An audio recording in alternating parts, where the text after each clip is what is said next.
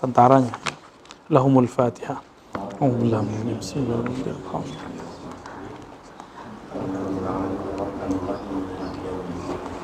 Ya ya Amin.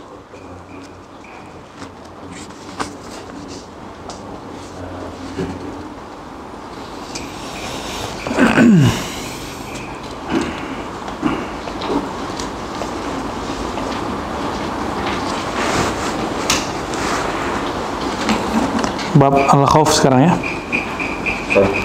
Betul. Bismillahirrahmanirrahim. Wabisanan Nabi Muhammad SAW bersabda, inti dari hikmah itu adalah takut kepada Allah Subhanahu wa taala. Waruya anhu alaihi salatu wassalam annahu qala kana Dawud Nabi alaihi salam ya'uduhu an-nas yazunnuna anna bihi maradan wa ma bihi marad illa khawf Allah ta'ala wal haya minhu. Jadi Nabi kita Muhammad SAW pernah mengatakan dulu Nabi Daud pernah dikunjungi oleh banyak orang atau untuk menjenguk, membesuk ya. Yazunnun nas orang mengira bahwa Sayyidina Daud itu sakit dan rasa malu kepada Allah Subhanahu wa taala. Nah, kok Nabi bisa tahu ya? Ya, Nabi dikasih tahu. Nabi bisa berkoneksi dengan para ruh. Apalagi ruh para nabi ya. Yang mana mereka menunggu baginda Nabi Muhammad sallallahu alaihi wasallam. Hadis-hadis ini tidak sampai derajat sahih, tapi jika dikumpulkan mereka minimal sampai hasan ya. Ada yang bertanya, mungkin barangkali di antara antum, kok sufi-sufi suka hadis palsu ya? Nah itu tidak benar ya, tidak sahih. Kalau sufi suka hadis palsu. Kesukaan atau kebiasaan menukil hadis yang doaif atau palsu itu masalahnya dia mau hadis atau bukan. Bukan masalah dia sufi atau bukan. Sufi itu suka palsu itu nggak benar. Itu ungkapan-ungkapan uh, penghinaan terhadap para sufi. Ya, ini perlu digarisbawahi. Sufi tidak ada hubungan dengan hadis palsu. Ya. Ini contoh ada pakar hadis palsu, sufi ini. Ustaz Ali Wafa, Al-Maduri, ya, An-Naqsyabandi, Asy-Syazili ya. ini Buya Asfi apalagi ini anti hadis palsu. Naqsyabandi ya, Syazili.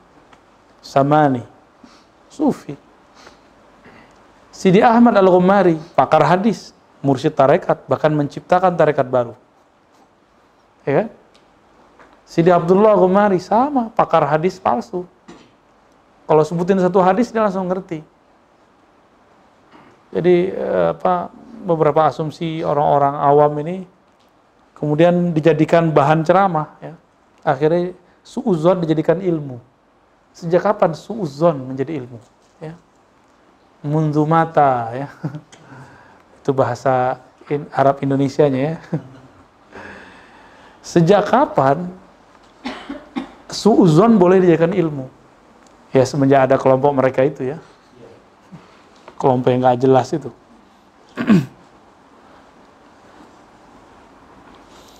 Qala Abu Umar Ad-Dimashqi, "May yakhafu min nafsihi akthar mimma yakhafu syaitan. Siapa yang khawatir lebih banyak daripada khawatir terhadap syaitan. Jadi khauf itu apa? Kata Abu Umar ad-Dimashqi, kalau kita hati-hati terhadap diri kita sendiri, lebih banyak daripada hati-hati terhadap syaitan. Nah, ini ujian orang-orang kalau salah. Antum kalau punya dosa yang selain siapa? Setan, tuh kan? Itu berarti belum khauf itu. Setan itu perayu, nahu do'if. Tapi dia do'if. Ya. Kan? Do'if. Tapi rayuannya luar biasa. Karena dia tahu dia lemah, maka dia mencoba merayu dengan uh, ya tipu dayanya, dengan hujah-hujahnya. Itu gaya daripada syaitan. Ya. Jadi kita ini, kalaupun bulan puasa, Ramadan, bulan Ramadan katanya setan dibelenggu ya. Setan dibelenggu, nafsu dibelenggu nggak? Cara belenggunya pakai puasa. Ya. Qala ba'duhum, laisal khaif man yakhaf wa yamsah ainaihi walakin al-khaif at-tarik ma yakhafu an yu'adzab alayhi. Ya. Bukanlah orang yang khaif itu yang takut. Lalu kemudian dia mengusap matanya karena ketakutan. Nangis. Lakin al-khaif at-tarik ma yakhafu an yu'adzab alayhi. Khaif itu adalah yang meninggalkan apa yang dia uh, takutkan karena yang dia takut itu bisa membuat dia disiksa.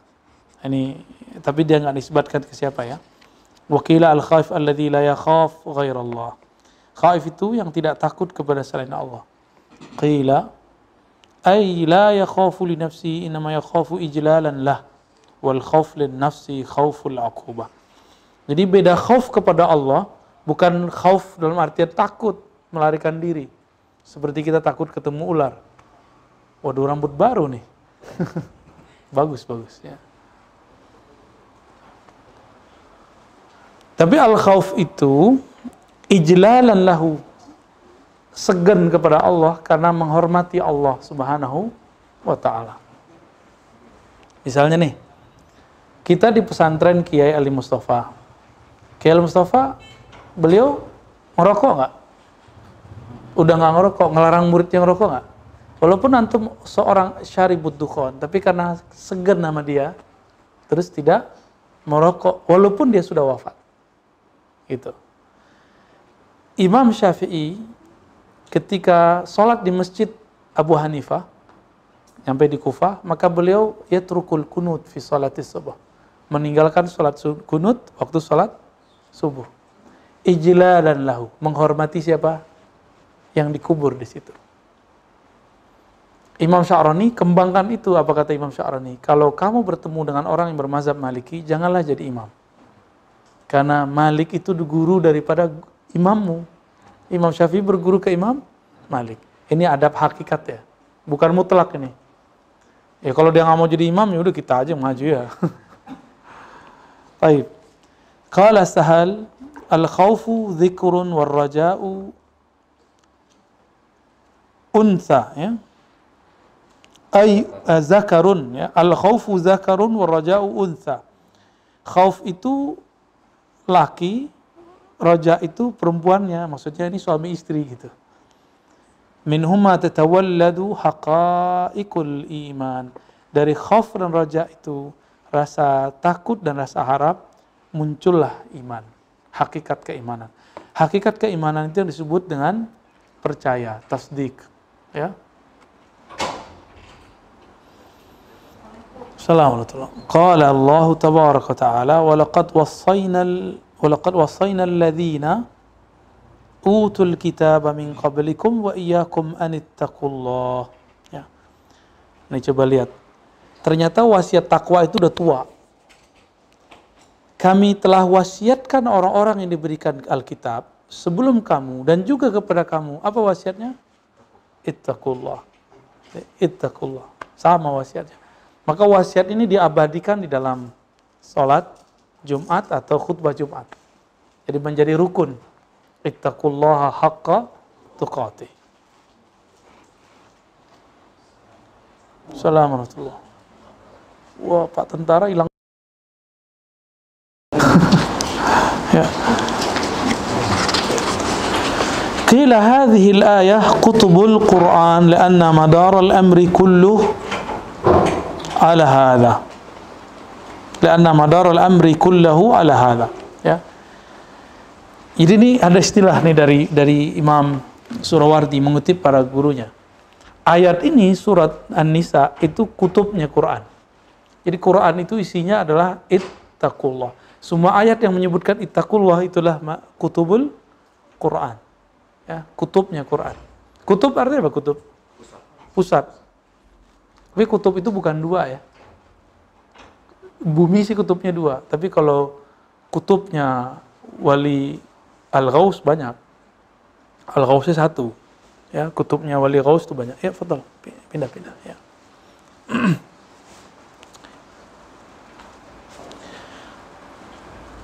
وقيل إن الله تبارك وتعالى جمع للخائفين ما فرقه على المؤمنين wa huwal huda war rahma wal ilmu waridwan ya. Allah mengumpulkan pada orang beriman pada orang yang khaif apa yang termecar-pencar pada orang beriman biasa.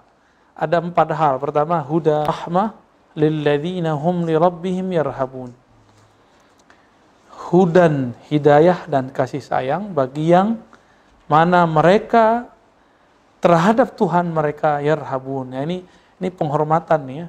Robnya didahulukan. Li rabbihim yarhabun. Bukan yarhabun dulu. Li rabbihim. Coba kalau terjemahan antum gimana? Mereka takut kepada Allah. Kalau saya nggak gitu nerjemahinnya. Ini terjemahan isyari ya. Karena Allah lah mereka takut. Ya, li rabbihim karena Allah lah mereka takut. Kalau mereka Allah takut. Tapi takutnya dengan rohaba. Rohaba itu bukan takut uh, menghindar, takut karena ijlal. Ya, hormat kepada Allah Subhanahu wa taala. Makanya dalam terjemahan kita Salat itu disebut sembah. Sembah itu kan menyembah, menghormati. Ya. Itu terjemahannya. Baik. Wa qala sahlun kamalul iman bil ilm wa kamalul ilmi bil khauf. Sempurnanya iman itu dengan ilmu wa kamalul ilmi bil khauf. Sempurnanya ilmu dengan khauf. Berarti bolak-balik ya. Jadi kalau orang berilmu tidak ada khauf, apa yang terjadi? Dia akan menggunakan hujah dalil-dalilnya untuk keperluan hawa nafsunya. Ya. Di situlah muncul uh, yang kita sebut ibtigha al-fitnah, mencari-cari fitnah. Ya. Wa qala aidan al-ilmu kasbul iman wal khawfu kasbul ma'rifah. Wah, mulai mulai masuk ke bab ma'rifah ilmu itu usaha menumbuhkan iman wal khauf kasbul ma'rifah sedangkan khauf adalah usaha menumbuhkan ma'rifat wa qala dhunnun la yasqal muhib saqa yasqi ha? yusqi bahasanya udah mulai majazi seorang pencinta tidak akan bisa meneguk dari kendi cintanya kecuali sudah masuk di dalam kolbunya rasa khauf kepada Allah Subhanahu fa innaka in qulta la kafarta wa in qulta na'am kadzabta. Ah ini makomnya makom khauf. Kalau makom khauf antum jawab na'am muskil, idza qulta la muskil. Ya, jadi terus gimana? Kalau makomnya khauf, nanti kalau ganti makom baru boleh makomnya. Jadi makom ini boleh ganti-ganti. Jika engkau ditanya, apakah kamu takut kepada Allah? Diamlah. Karena jika engkau mengatakan na'a, tidak kafarta billah. Kamu disebut kufur. Wa in kulta na'am, kadzabta. Jika kamu mengatakan iya, kamu bohong. Falaisa wasfuka wasfa man yakhaf. Masa orang kayak kamu disebut orang yang yakhaf? Ya. Pantas nggak orang kayak kita disebut orang yang khauf? Enggak, saya nggak nggak pantas sebut khauf. Nah, kira antum sama lah ya, sama lah mas saya. Baik. nah, kenapa imam-imam ini memberikan definisi yang berbeda? Dia lagi bercerita tentang makomnya. Makom apa yang dirasakan? Berarti makomnya sama, tapi pengalamannya berbeda fakullu waliyin khatamun ala maqamatihi. Setiap wali itu dia menutup makamnya sendiri walaupun namanya sama. Ya, itu yang disebut khatmul aulia. Jadi khatmul aulia bukan berarti la waliya ba'da, bukan. Bukan enggak ada wali lagi setelahnya. Qauluhum fir raja. Allahumma salli wa sallim Qala Rasulullah sallallahu alaihi wasallam. Ini hadisnya ada di Bukhari, ada di Muslim ya. Hadisnya sahih. Yaqulullahu azza wa jal. Jadi ini ceritanya panjang nih ada dua halaman hadisnya. Bahwa nanti antum itu kalau jadi ahli surga, amin. Semoga kita ahli surga ya. Nanti nyari temannya, ya Rob, di manakah aina ikhwani? Mana teman-temanku yang dulu dia sholat bersamaku? Yang dulu dia puasa bersamaku? Dia dulu ngaji bersamaku, salawatan bersamaku. Berangkat bersama denganku apa kata Allah? Carilah di mana pun kamu bisa mencari. Dia putarlah semua wilayah di surga dan gak ketemu. Berarti orang ini wali. Karena yang memikirkan nasib umat cuma wali. Kalau nggak wali nggak mungkin mikirin orang. Kalau orang awam yufakir an nafsi, wala yufakir an ghairi. Ya. Anania. Dia dia berharap dia itu nyelamatin dirinya sendiri. Hmm. Ini ujian-ujian walayah nih kalau kita bakal diangkat jadi wali nanti. Bersyukur-syukur kalau diangkat jadi wali. Apa ujiannya? Bisa nggak mikirin keselamatan orang?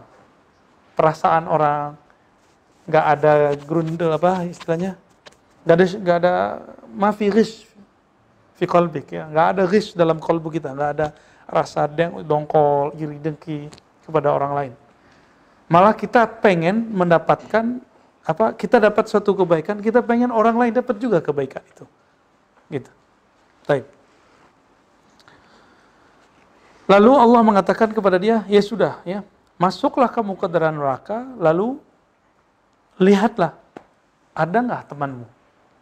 Dia putarlah semua di wilayah neraka yang bisa dia putar, dan dia nggak ketemu.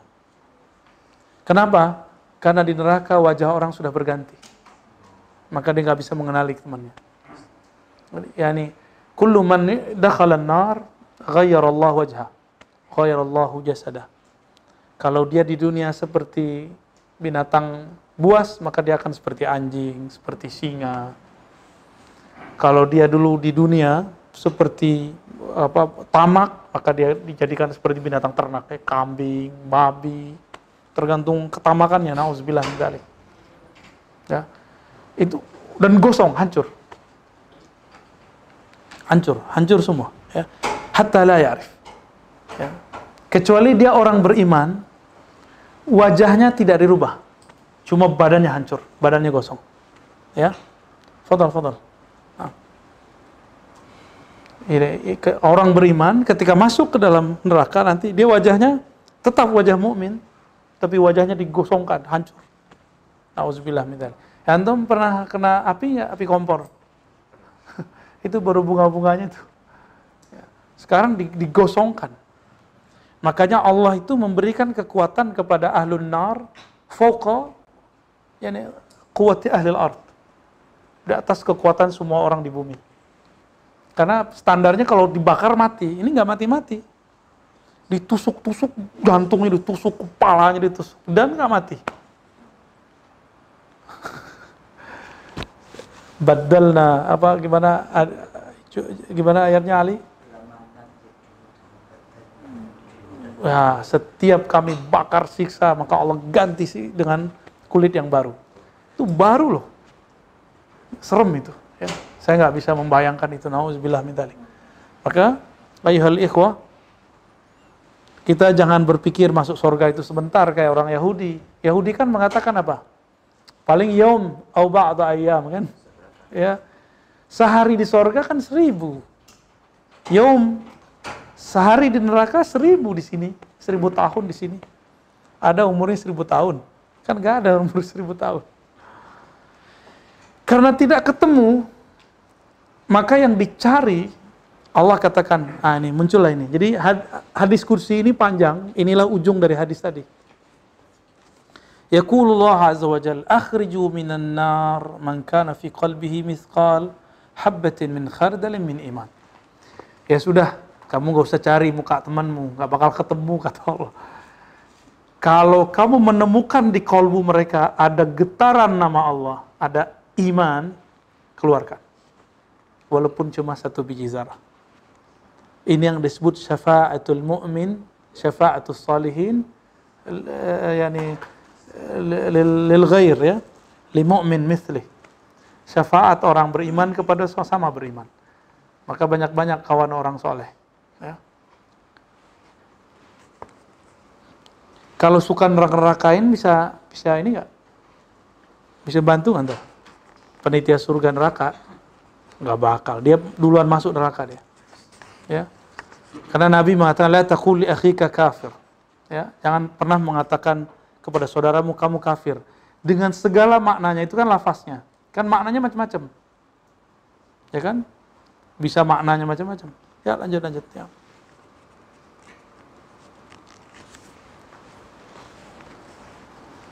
Dan kita hampir tiap hari ya. Saya kan udah mulai jarang lagi buka IG ya. Wah itu pas kita buka, Masya Allah, yang neraka-nerakain nambah lagi ya. Kayak dia panitia surga neraka aja ya. Kayak dia tahu aja surga itu kuncinya ke mana. Kayak dia tahu aja masuk neraka itu gimana. Ya salam. Ya. Itu udah sama dengan ya anta takuli akhika kafir sama. Ya. Ali udah begitu, Li. Ini dua Ali ini udah dikafirin orang belum? Ya. Kalau saya sudah dipanggil Abu Lahab sama orang. Kafir nggak Abu Lahab? Kafir. Lau kista mu'minan bil kafir faqad kafarta. Ya. Lau nadaita mu'minan binidai atau bi asma'il kufar faqad kafarta. Kalau kamu mulai memanggil kawanmu dengan panggilan orang kafir, sama dengan mengkafirkan dia. Maka waktu kampanye kemarin, walaupun saya nggak nyoblos, presiden sekarang saya nggak nggak mau bilang dia seperti Firaun kan waktu kampanye itu disebut dia kayak Firaun ya kan lah berlebihan ente ya Berlebihan itu. Gak suka, gak suka aja, gak usah bilang Firaun. Masa Firaun mengadakan hari santri ya kan? Gimana tuh?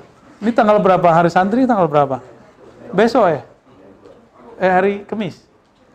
Jumat? Itu libur ya? Masya Allah ya.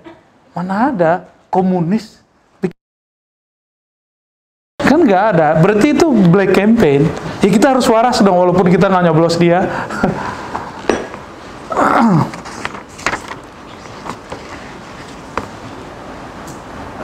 Dan saya sedih sekali ketika ulama Nahdiyin dituduh komunis. Padahal antum kalau buka sejarah, yang paling banyak korban komunis siapa? Ulama Nahdiyin. Pinter kan orang buka apa bolak-balik sejarah. Pinter sekali kesannya sekarang ulama Nahdliyin itu pro kepada PKI. Nauzubillah min dzalik. Nggak ngerti sejarah itu orang ya. Kalau orang ngerti sejarah, mereka akan sifar seribu kali kali. Ya. Baik. Apa kata Allah? Akhriju minan nar man kana fi qalbihi mithqal habbatin min khardalin min iman. Keluarkanlah. Nah, jadi ini Allah kasih SK, surat kerja, surat izin mengeluarkan orang yang di dalam neraka masuk ke surga. Nah, siapa nih orang-orang nih? Inilah teman yang dulu waktu hidupnya pernah menasihati dengan tulus saudaranya. Inilah teman yang dulu waktu hidup pernah menyelamatkan saudaranya dari kegelapan. Tapi dengan cara yang bagus. Dengan cara tidak takfiri. Jadi ini cuma sejarah berulang aja. Bentuknya kalau sudah di alam sana, kita ngeluarin dia dari neraka atau kita dikeluarin dari neraka. Itulah dai-dai yang tulus kepada Allah. Bukan dai-dai fulus, tapi dai-dai tulus. Kita diajarkan guru kita tidak menolak rezeki, tapi tidak boleh menarif rezeki. Ya, itu tidak boleh. Ya, ini antum kan bakal jadi dai semua nih insya Allah ya. Separoh lah para ulama nih, ulama-ulama muda. Jangan pernah coba-coba uh, menarif. Walaupun katanya untuk urusan dakwah ya itu kan kata kita. Gimana kita mau menjaminnya? Tapi kalau dikasih Bu Yasfi jangan nolak. Ya kasih aja eh, terima aja Bu ya, ya. apa kata Ibnu Umar? Nabi SAW bersabda idza u'tita fala tarud kalau kamu diberi jangan tolak ya kecuali kena pasal baru nih pasal pencucian uang. Hati-hati juga tuh ya. Karena di Tuban tuh ada seorang bunyai masuk penjara karena dia menerima bantuan dari kementerian. Ternyata itu pencucian uang. Ya, nauzubillah min dzalik.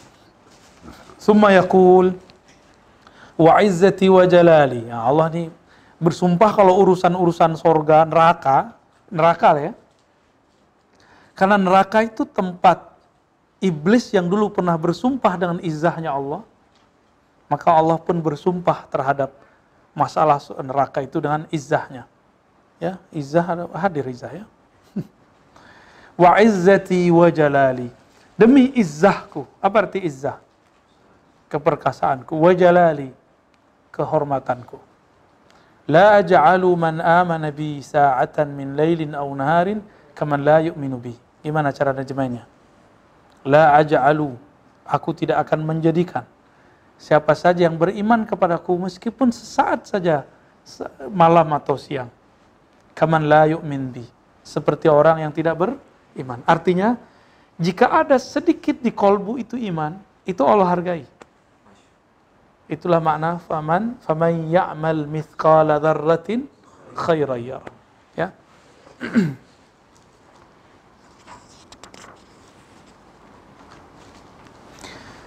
قيل جاء عربي إلى رسول الله صلى الله عليه وسلم فقال من يلي حساب الخلق قال الله تبارك وتعالى قال هو بنفسه قال نعم فتبسم العربي فقال النبي صلى الله عليه وسلم مما ضحكت يا عربي فقال إن الكريم إذا قدر عفا وإذا حاسب سمح ini orang Arab Badui tapi pinter ya, jarang-jarang loh orang Arab Badui itu pinter biasanya dablek tuh nggak dablek tiba-tiba pipisin tembok masjidnya Nabi ya kan tiba-tiba doa ya Rob la terhamni eh, la tar, irhamna wa Muhammadan wala tarham siwana.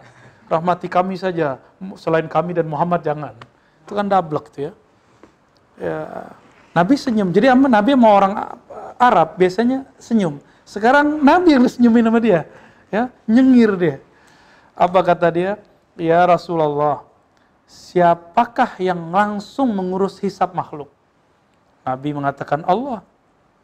Terus kalau huwa binafsihi.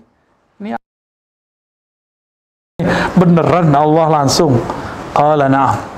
Fatabassama al-Arabi. Lalu orang Arab ini senyum. Hmm, asik dong gitu. Qala Nabi SAW. Nabi bingung nih, kenapa dia ketawa nih? Mimma dhahikta ya Arabi. Kenapa kamu tersenyum? Kenapa kamu tertawa? Apa jawabannya? Innal karim. Ya. Yang maha pemurah.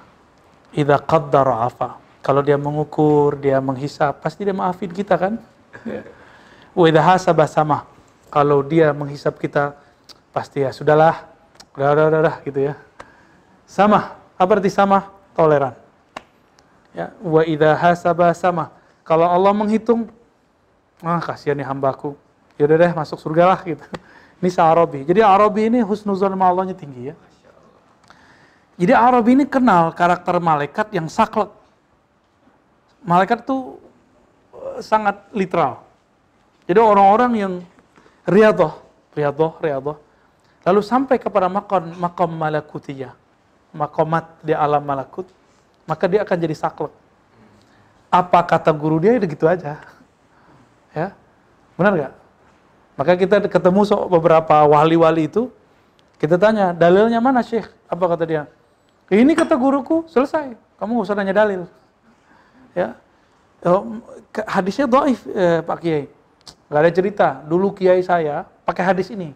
Selesai. Kita sebutin hadis atau juga nggak mau dia ya. ya. Makomnya sudah makom malakutiah itu ya. Kalau antum kan bukan malakutiah. Carut marutiah.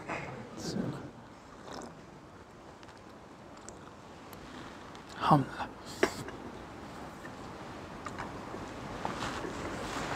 Ah, ini antum yang udah ngerti hadis Taif, Hasan Taif, Jangan sosokan kalau pulang kampung. Serius. Kita tahu di kiai hadis dhaif. Jangan langsung Pak Kiai, saya belajar hadis 4 tahun di Darussunnah. Ya, hadis ini dhaif. Itu nggak boleh. Adamnya nggak dapat. Ya. Kalau mau nasihatin orang, langsung datangi dia empat mata. Apalagi lewat YouTube. Aduh, bahlul ente ya. pakai surat cinta ya. surat cinta untuk Ustadz Ali Wafa. Wah, kan seru tuh. Qala Syah Al-Kirmani, alamatul raja husnul ta'ah. Jadi kalau ciri-ciri orang ada harap. Nah, ini kan babnya bab harap ya. Jadi harapan itu walaupun sedikit iman, ada harapan. Khauf itu sedikit maksiat, harus ada takut. Maka ciri-ciri orang yang banyak nangis, eh ciri-ciri orang yang takut tuh banyak nangis. Banyak nangis karena banyak maksiat. ya. Kalau orang yang roja ya kayak Arab ini, double. Ngarepnya ketinggian. Ya, beramalnya dikit. Tapi Nabi ya gak apa-apa sama Nabi kan. Bagi Nabi semuanya beres ya. Ciri-ciri orang yang ada harap dalam dirinya, husnul husnul ta'ah. Maka dia taatnya bagus. Wakila ar-raja' ru'yatul jalala bi'ainil jamal. Wakila kurbul qalbi min mulatatafil min mulatafatir rabbi. Raja itu memandang yang ya, ke, keagungan Allah Ta'ala dengan cinta. Uh, kalau khauf memandang keindahan Allah bi'ainil apa? Kalau khauf. Bi'ainil, bi'ainir apa tadi yang khauf? Ar-rahab, ar-rahabah. Dengan rasa takut. Tapi kalau raja bukan hanya jamalnya Allah, tapi jalalnya Allah dipandangnya dengan ainil mahabbah, ainil jamal. Ya, jamal itu babnya mahabbah. Masih ingat jalal turunnya khauf. Jamal turunnya raja. Ya. Khauf rahabah. Raja mahabbah. Dua aja ya. Baik.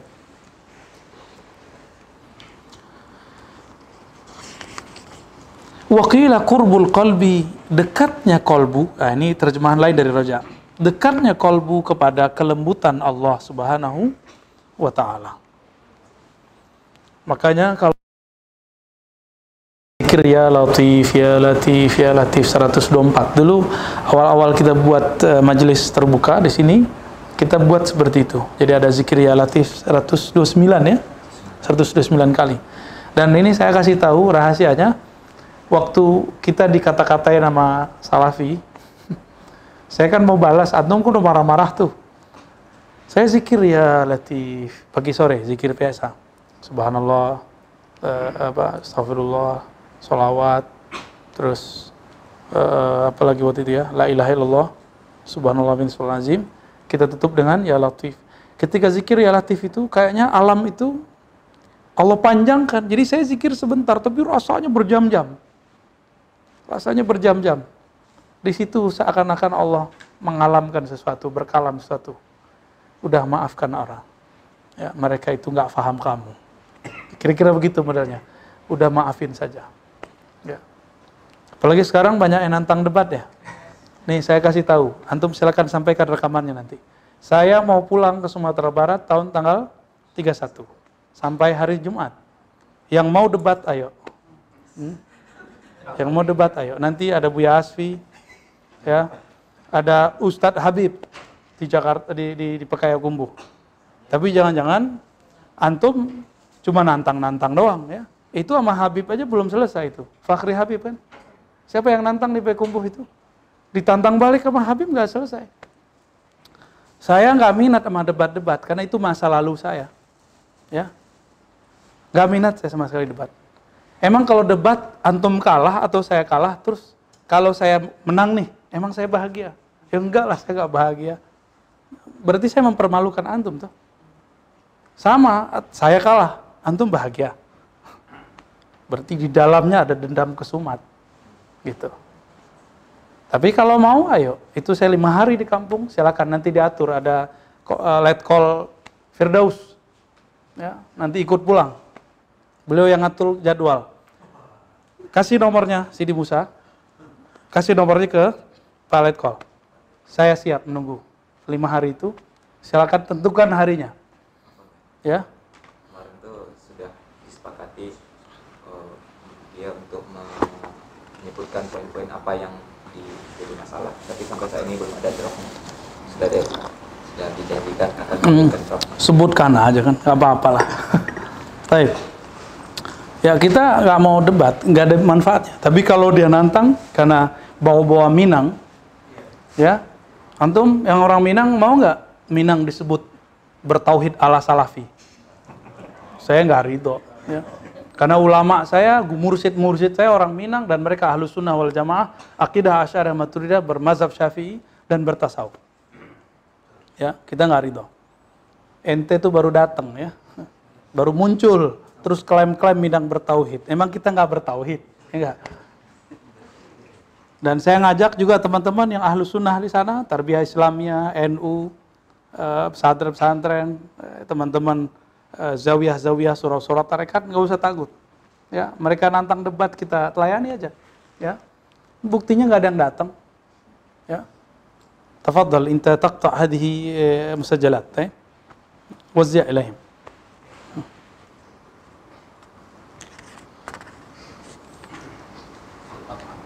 Hmm? Santai bu ya. Kita ini nggak mau debat, tapi kalau ditantang debat dia juga nggak takut. ya. Bahkan di Jakarta, ayo silakan. Tapi hubungi lewat Sidi Musa. Cuma masalahnya, Sidi Musa nggak rela kalau saya debat. Karena yang mau debat itu LC, saya dokter kata dia. itu kata Musa tuh ya. Ya iyalah, ini tasyakur, tasyakur tahadus min nikmatillah. Saya ngajar di S3. Dan mahasiswa saya tamatan Timur Tengah banyak. Tamatan dalam negeri ada. Dan itu nggak ada tuh yang songong-songong kayak yang di Facebook itu ya. Nggak ada. Benar di Facebook, saya nggak punya Facebook soalnya. Awalnya di Facebook. Oh, di Facebook. Udah dihapus, tapi udah ke. Iya, nggak apa-apa ya. Nggak apa-apa. Siapa aja boleh. Tapi atur, atur waktunya. Silakan atur. Palet call siap. Ya. Siap ya, palet call ya. Enggak, kita nggak mau perang. Perang dalam artian jotos-jotosan. Tanti. Kalau mereka sekali nyinggung kita, ya, sekali coba-coba menyakiti kita, kita semua siap turun. Ya. Siap. Siap. siap. Waduh, gawat nih. ya.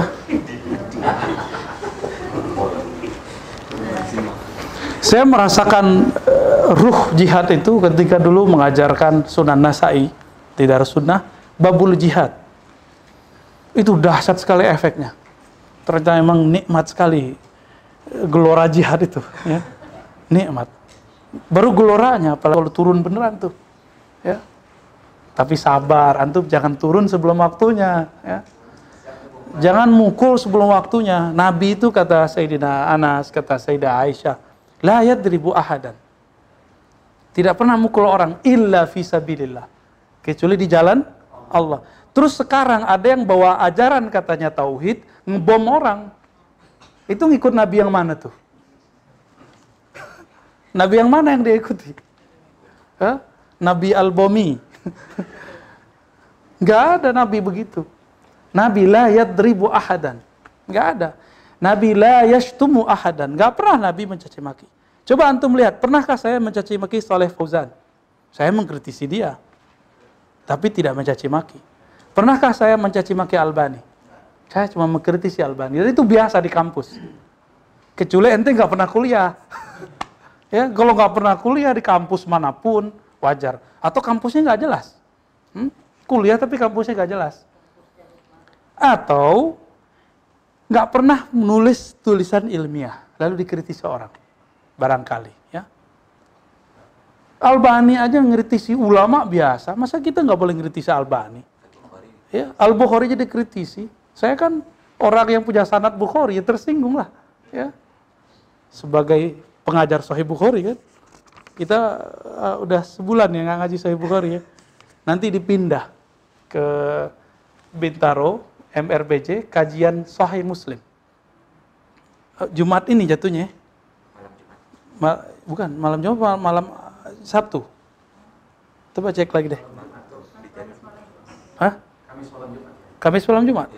Oh, pekan depan ya. Pekan depan. Ya udah, eh, hari apa aja lah. ya. Kita buka kajian Sahih Muslim. Karena secara online sudah ada Sahih Bukhari di, di Ribat Kita buka, mulai terbuka kita buka. Ya. Insya Allah. Ya antum juga jangan takut-takut juga ya. Mantap sih di Musa ya. Layani aja mereka.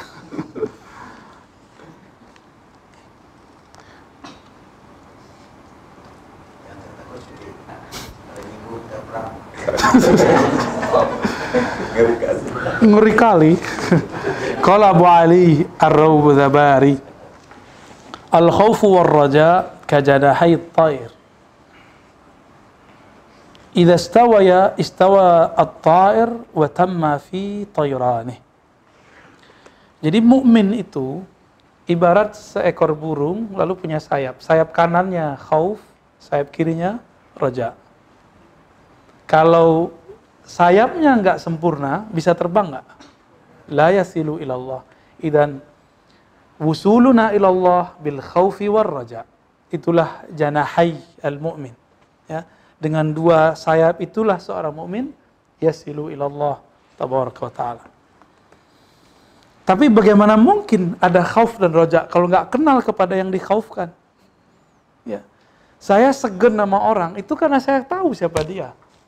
Saya berharap cinta kepada seseorang karena saya dekat kepada dia. Gimana? Udah begitu belum?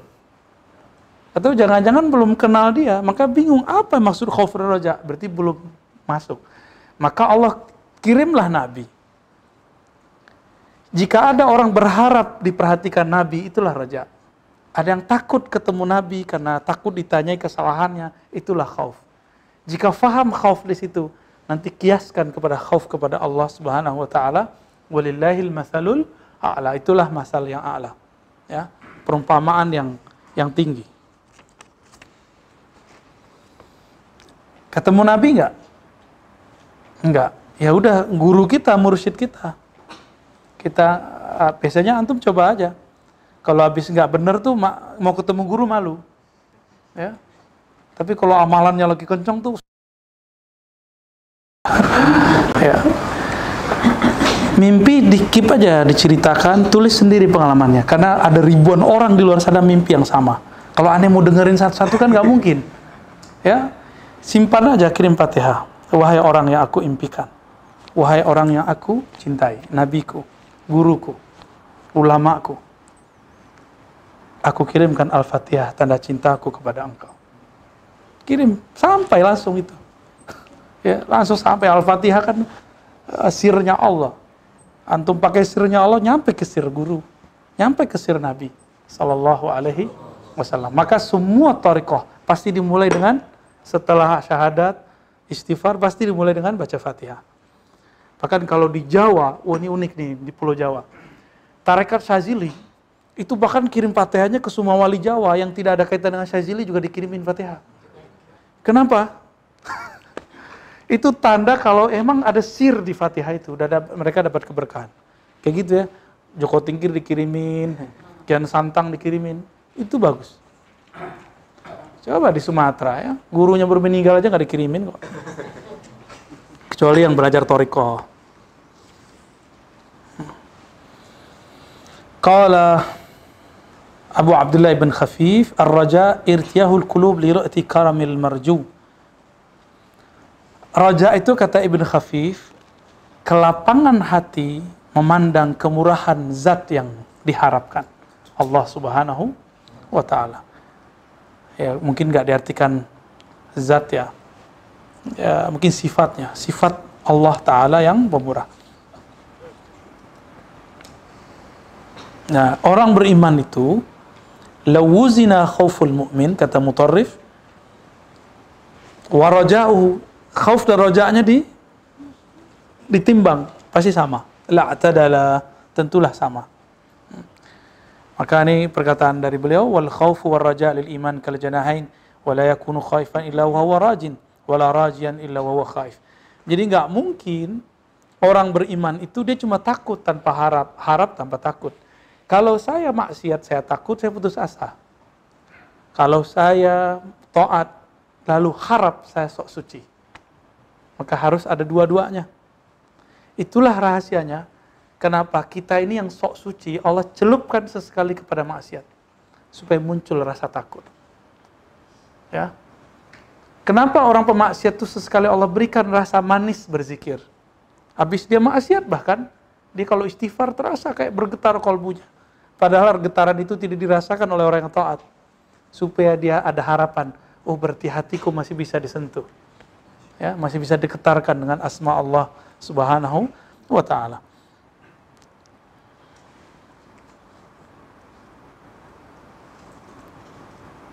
Ya, uh, di situ ada kalam Sayyidina Luqman dan beberapa kalam-kalam yang lain. Baik. Gimana Sidi Musa? Kita mau dengar solawatnya Ah Faiz dulu. Ini hari maulid kan, banyak-banyakin solawat ya Maju saya Pes. Pes.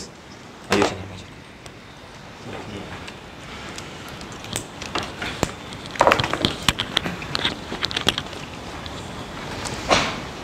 Sini, sini.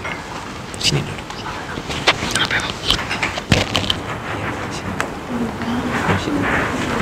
Sini. اللهم صل وسلم وزد وبارك عليه.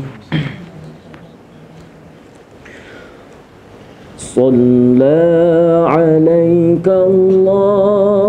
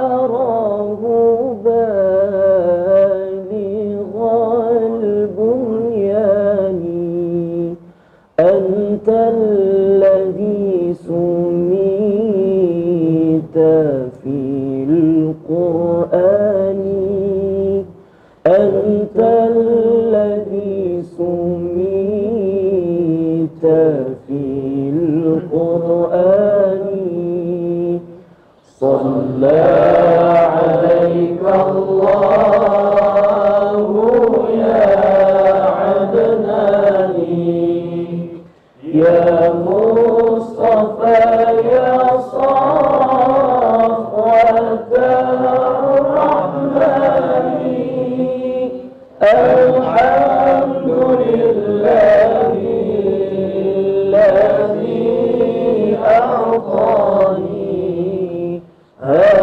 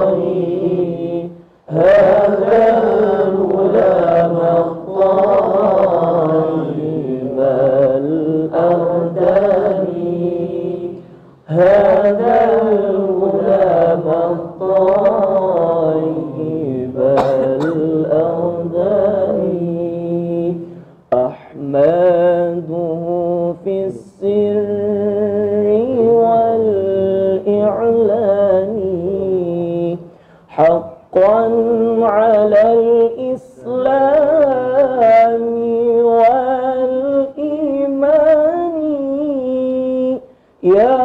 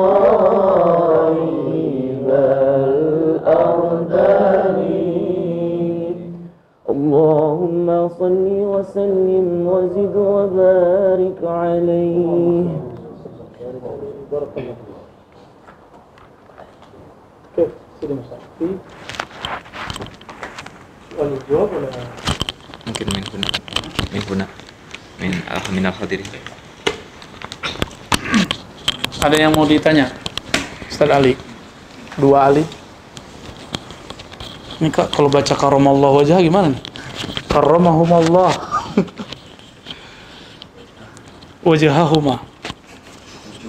Ya. Kalau kata dia, itu syiah. Ya.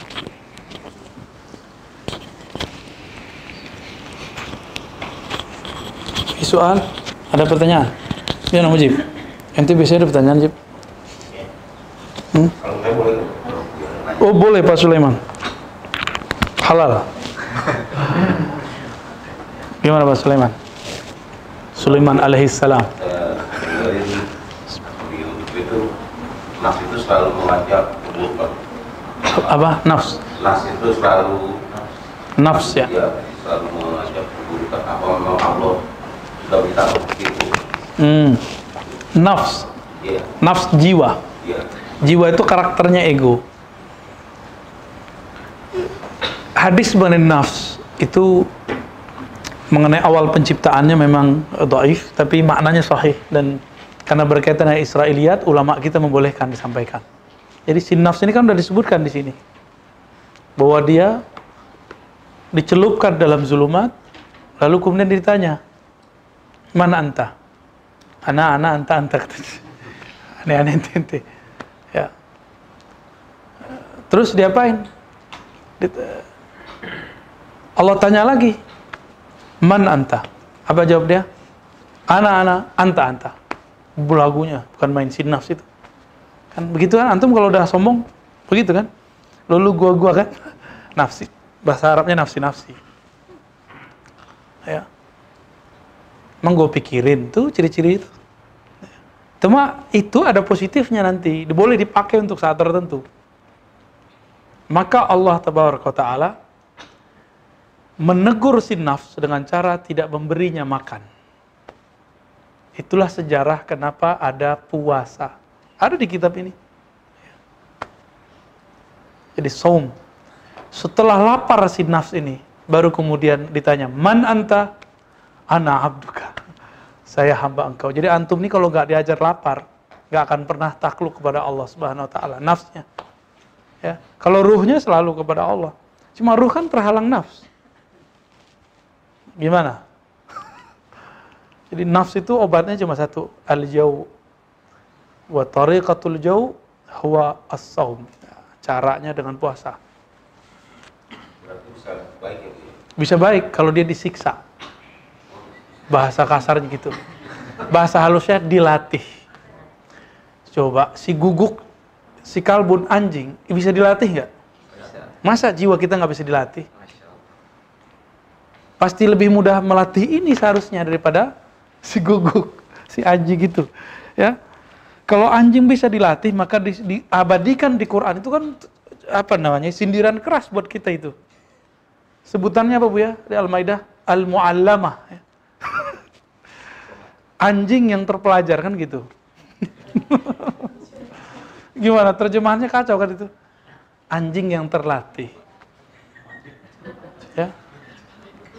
Bener kan? Ada kan di Al-Maidah? Jadi anjing saja itu kan dia dia cuma punya nafs dan di dalam dirinya ada ruh hayawan, ruh hewan. Itu masih bisa digembleng. Maka dia tahu hak tuannya, dia tahu hak diri sendiri. Masa kita nggak bisa? Karena kita punya akal, itu akan lebih mudah. Nah, si akal ketika ditanya, wahai akal akbil, fa'akbal al akal. Maka akal langsung menghadap. Cuma hadis ini do'if secara ilmu riwayat, namun ulama kita mengatakan maknanya sahih. Karena sesuai dengan riwayat-riwayat yang ada. Ya, sesuai dengan karakter antum. Jadi ada satu inti sebenarnya. Tidak semua riwayat yang sahih itu boleh diamalkan dan tidak semua riwayat yang dhaif itu ditolak. Ini, ini kaidah ya. Laisa kullu sahihin ma'mulun bih, ma'mulan bih, wa laisa kullu dhaifin mardudan bih. Nih, ingat-ingat nih kaidahnya. Ya.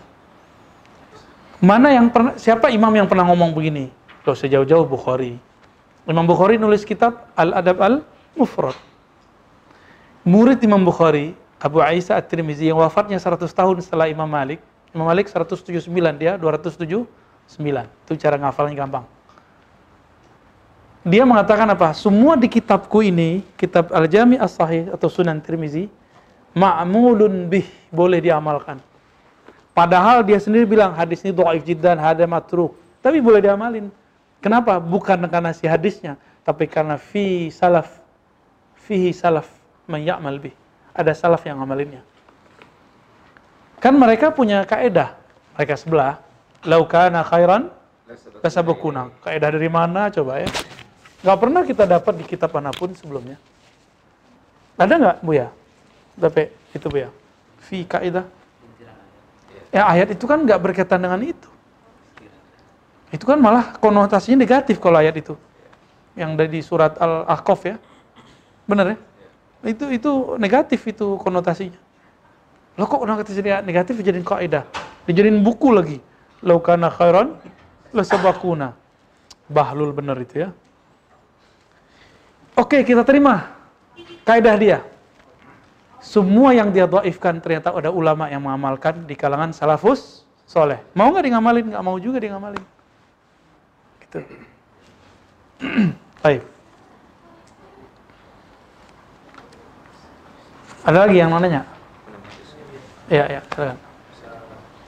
Ya, jadi gini apa Hmm.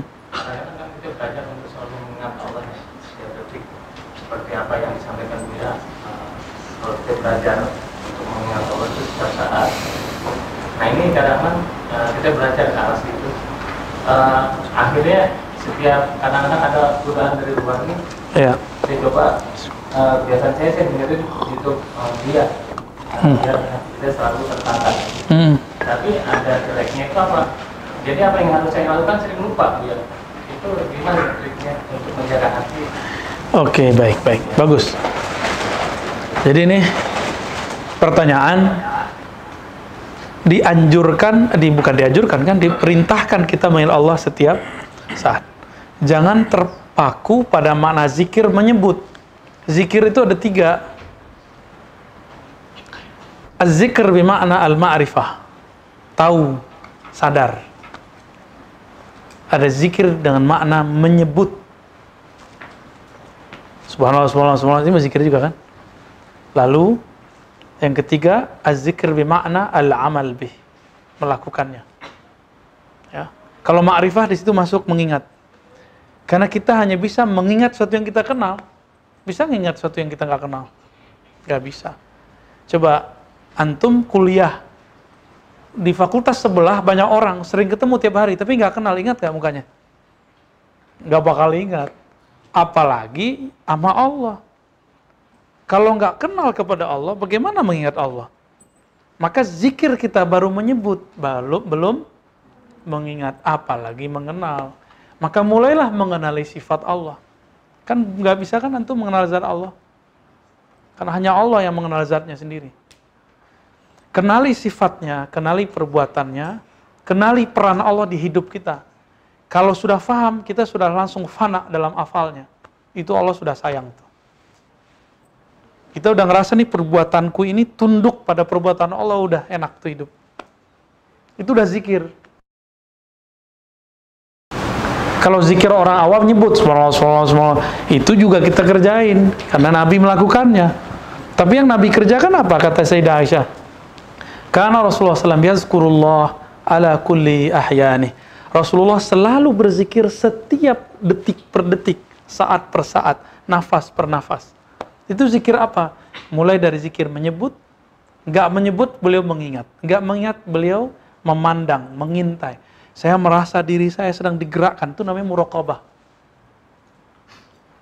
Nah, karena kita nggak bisa setiap saat ingat Allah, maka bacalah doa ini pagi sore. Allahumma a'inni ala zikrika. Ya, ya Allah, bantu aku mengingat Engkau. Kita nggak nggak bisa. Antum doa, ya Allah kekalkan zikir dalam diriku. Ya Allah nggak izin.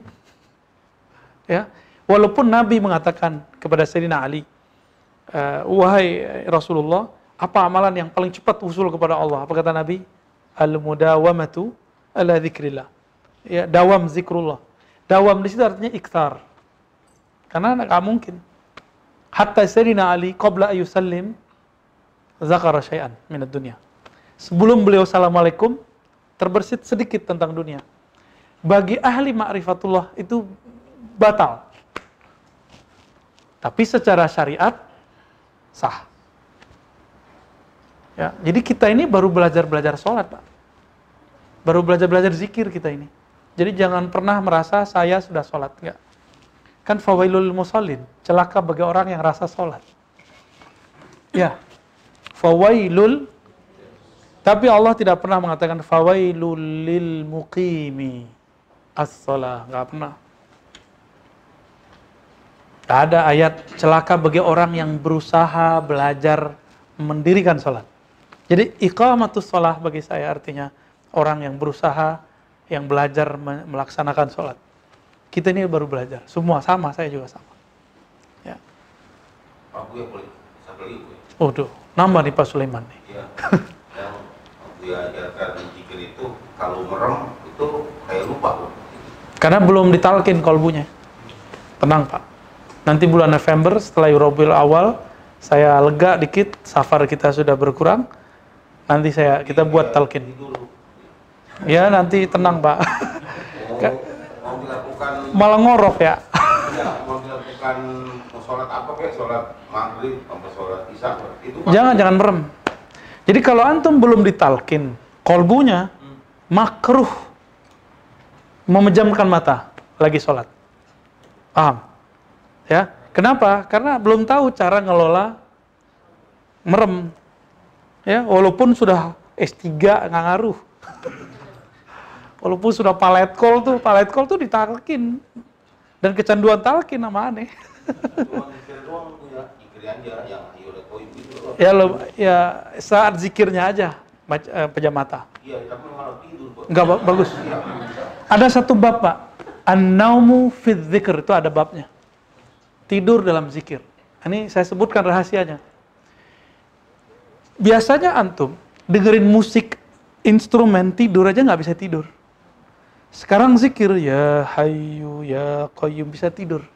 Kok bisa?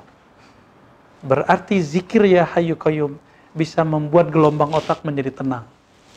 Kolbu menjadi damai. Baru bisa ngorok. Itu ajib itu Pak. Itu sudah wusul. Level 1. Mau ke kantor udah siang.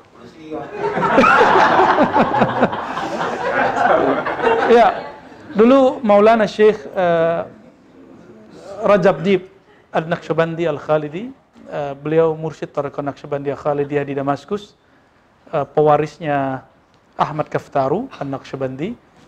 Beliau pernah membahas bab itu juga. An-naumu fi dzikr. Nah, kalau kalau ngerti bahasa Arab enak Pak, bisa dibuka. Kalau Buya Asfi ini ngerti dia bahasa Arab. Dia mimpi aja bahasa Arab, Pak. yang ngigo aja bahasa Arab deh. Ya, karena dulu empat tahun sama kita kita cecar terus ngomong bahasa Arab. Dan walaupun dia orang Minang, saya orang Minang, saya nggak ngomong bahasa kecuali bahasa Arab sama dia dulu sama Musa nih. Lama kan? Belakangan baru ngomong bahasa kampung sama dia. Hitung-hitung ngulang-ngulang kosakata. ya alhamdulillah ya ada teman mengulang kosakata. Jadi nggak masalah itu Pak Sulaiman, itu bagus. Jadi kata siapa? Syekh salah satu mursyid kita juga lah. Secara rohani saya terhubung dengan beliau, tapi secara sanad saya nggak ketemu. Ya, rohani aja. Apalagi? Akhwat ada yang nanya? Iya, silakan. Eh, saya Aini ya ini. mau nanya Hmm. eh, kalau seandainya di saat kita zikir itu tiba-tiba kita eh, merasa nyaman ketika kita mengucapkan mata Hmm. lalu saat kita berzikir saat mengucapkan mata itu ada sesuatu yang menarik tapi di situ ada seperti kayak dialog Bu ya Hmm. jadi khawatirkan apakah itu setan atau tidak jadi bagaimana caranya Oke. memastikan itu dari atau Khalas fi ismul Taib. Ya. Kalau lagi zikir, tiba-tiba terjadi dialog. Oh, berarti ruhnya sudah mulai bisa diajak komunikasi. Itu bagus. Itu bagus itu. Yang penting dia tidak melahirkan was-was, tapi dia melahirkan ketenangan. Karena Nabi mengatakan istafti kolbak. Gimana cara istafti kolbak? Mintalah fatwa kolbumu. Caranya zikir dulu. Kita mau minta fatwa seseorang, bisa nggak gerusuk-gerusuk, gerusuk-gerusuk? Dan cara untuk meminta fatwa ke kolbu hanya satu, zikrullah. Zikir di kolbu, udah tenang baru dia bisa diajak ngobrol. Makanya ada yang disebut muhadasah qalbiyah, berbicara dengan kolbu sendiri. Nanti masuk lagi muhadasah fuadiyah, muhadasah lubbiyah, muhadasah sirriyah, wa fi sirri ana. Baru bisa ngobrol sama Allah. Baru antum kalau sholat tuh ngerasa dialog dengan Allah Subhanahu wa taala. Waduh, kalau diceritain susah deh ya. Tapi enak ya. Sekali Allah sudah ngobrol dengan kita, sekali Allah sudah memandang kita, maka daiman kita dihitung selama-lamanya dipandang oleh Allah Subhanahu wa taala. Ya. Maka Sidi Ahmad Tijani menukil satu riwayat ya. Riwayat ini semakna dengan riwayat-riwayat ada di Nasai. Tapi lafaz yang dia pakai bukan lafaz yang Nasai. Man nazarallahu ilaih lam yu'azzibhu abadan. Siapa yang Allah telah pandang dengan nazaratul rahmah, maka dia tidak akan disiksa sama sekali. Itulah makomnya ahlul badar. Ahlul badar apa kata Nabi? I'malu masyitum. Kalian bebas berbuat apa saja. Ini ngomong Nabi loh ya. Bukan setan yang ngomong. Yang ngomong Nabi. Berbuatlah sesuka kamu. Fa Allah qad ghafara lakum. Allah sudah ampuni kalian. Karena mereka sudah dipandang Allah. Maka nafsiyah dia pasti udah bisa dikendaliin.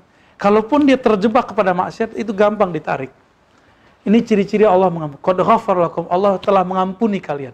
Dia kalau maksiat pasti dia balik. Balik sendiri aja. Kenapa? Dia sudah dipandang oleh Allah. Itulah makom Ahlul Badar. Ahlul Badar itu itu mereka meminta kepada Allah untuk dibangkitkan di akhir zaman karena mereka adalah sadatus syuhada. Nabi SAW mengatakan, para syuhada mengatakan, Ya Rab, ahyina, hidupkan kami. Sehingga kami berjuang kembali, lalu kami mati, lalu kami berjuang, kami mati, dan kami berjuang. Ya, Gimana caranya? Ya, karena tidak ada reinkarnasi dalam Islam, maaf tanasuh. Enggak ada kan reinkarnasi? Yang ada cuma tawarus, ulama warasatul ambia. Maka dia sedang menunggu siapa pewarisnya, nanti dia akan support pewarisnya itu. Maka di akhir zaman itu, orang-orang yang jadi pewarisnya nggak ada urat takutnya. Ya. Beraninya bukan main. Nggak ada bodohnya dia, karena Allah bimbing dia dari semua penjuru. Dalil dia tidak hanya yang tertulis, Dalilnya dari semua penjuru. Mau dari mana dia bisa ngambil dalil? Ya. Itu muhadasah sudah masuk ke muhadasah sirriyah. Ya. Maka sholatnya bukan lillahi ta'ala. Tapi sudah masuk ke makom yang lain lagi di atas itu. Yang saya belum boleh kalamkan sekarang. Ya, ya rehat dulu. Kita uh, sudah mau dekat maghrib. Maghrib 6 kurang seperempat ya? Kurang, ha? Kurang 20 ya. Paslah setengah jam antum rehat-rehat ya. Fidif? daif? طيب تفضل تفضل.